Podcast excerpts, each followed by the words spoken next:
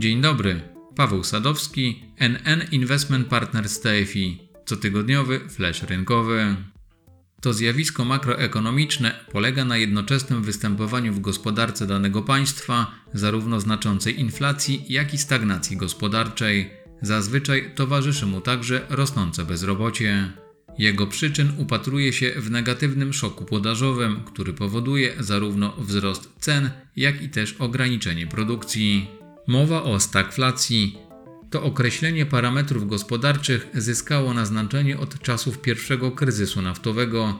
Rozpoczął się on w 1973 roku i objął wszystkie kraje wysoko uprzemysłowione, uzależnione od ropy naftowej. Wzrost cen energii, który ówcześnie nastąpił, jest tradycyjnie podawany jako jedna z przyczyn tego zjawiska.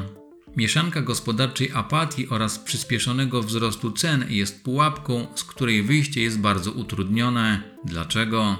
Gdy mamy do czynienia ze spowolnieniem gospodarczym, to najprostszym sposobem na pobudzenie wzrostu jest obniżka stóp procentowych. Natomiast w przypadku podwyższonej inflacji należy podnosić stopy, co obserwujemy na przykład dzisiaj. Problem polega na tym, że nie da się jednocześnie zrobić jednego i drugiego. Innymi słowy, to stagflacja bierze z tych dwóch wspomnianych scenariuszy wszystko to, co najgorsze i łączy je ze sobą. Mamy więc wysoką inflację i spowolnienie gospodarcze, które nawet jeśli prowadzi do recesji, to mimo wszystko nie anuluje inflacji. Nie jest w stanie tego uczynić, gdyż inne są jej przyczyny, leżą po stronie podażowej, a nie popytowej. W zeszłotygodniowym nagraniu wspominałem, że rosnąca inflacja na poziomie cen żywności w połączeniu ze wzrostem kosztów energii i poprzerywanymi łańcuchami dostaw zaczyna być poważnym problemem dla globalnej gospodarki oraz banków centralnych i stanowi żyzny grunt właśnie pod stagflacyjny scenariusz. O nadchodzącej w perspektywie kilku miesięcy recesji w kontekście krajowej gospodarki wspominał w wywiadzie z 19 marca dla gazety Parkiet także Bartłomiej Chyłek, dyrektor zespołu analiz NN Investment Partners TFI. W Polsce mamy sporą niepewność związaną z tym, jak będą się kształtować ceny surowców. Nasz kraj nie jest zbyt zasobny w surowce i większość z nich importujemy. Wzrosty surowców na światowych rynkach będą przekładać się na wyższe ceny towarów i usług w Polsce.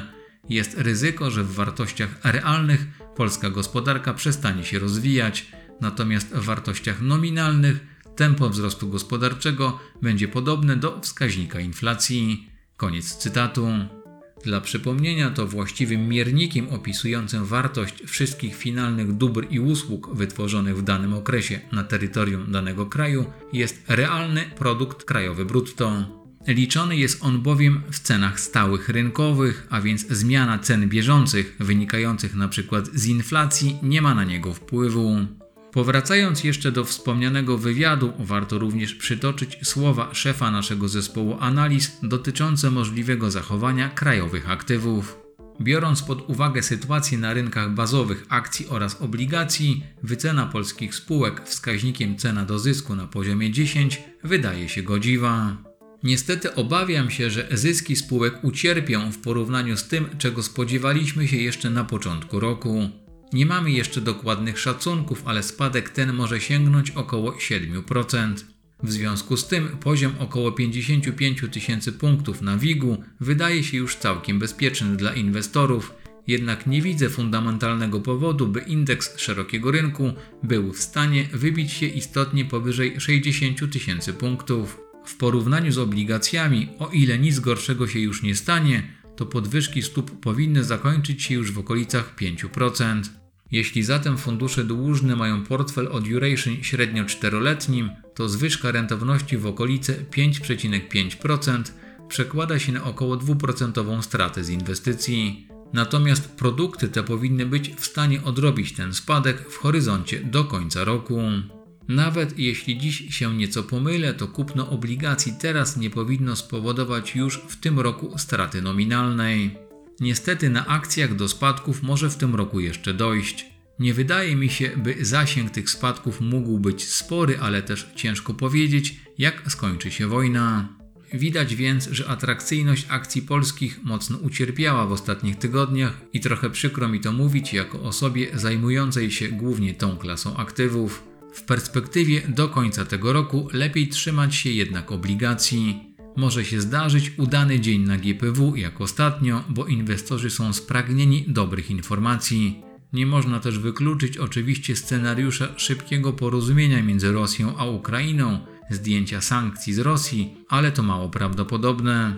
Niemców dużo kosztowała zmiana polityki o 180 stopni, więc nie jest możliwe, by wrócić szybko do punktu wyjścia. Koniec cytatu.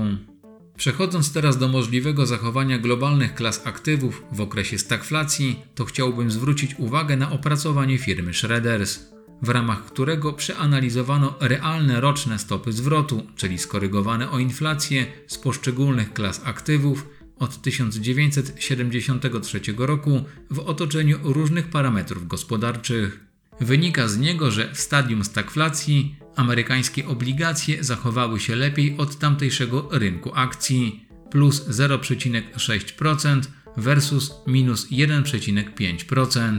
Fundusze inwestujące w nieruchomości mogły pochwalić się zyskiem na poziomie 6,5%, natomiast surowce wygenerowały realną roczną stopę zwrotu na poziomie plus 15%.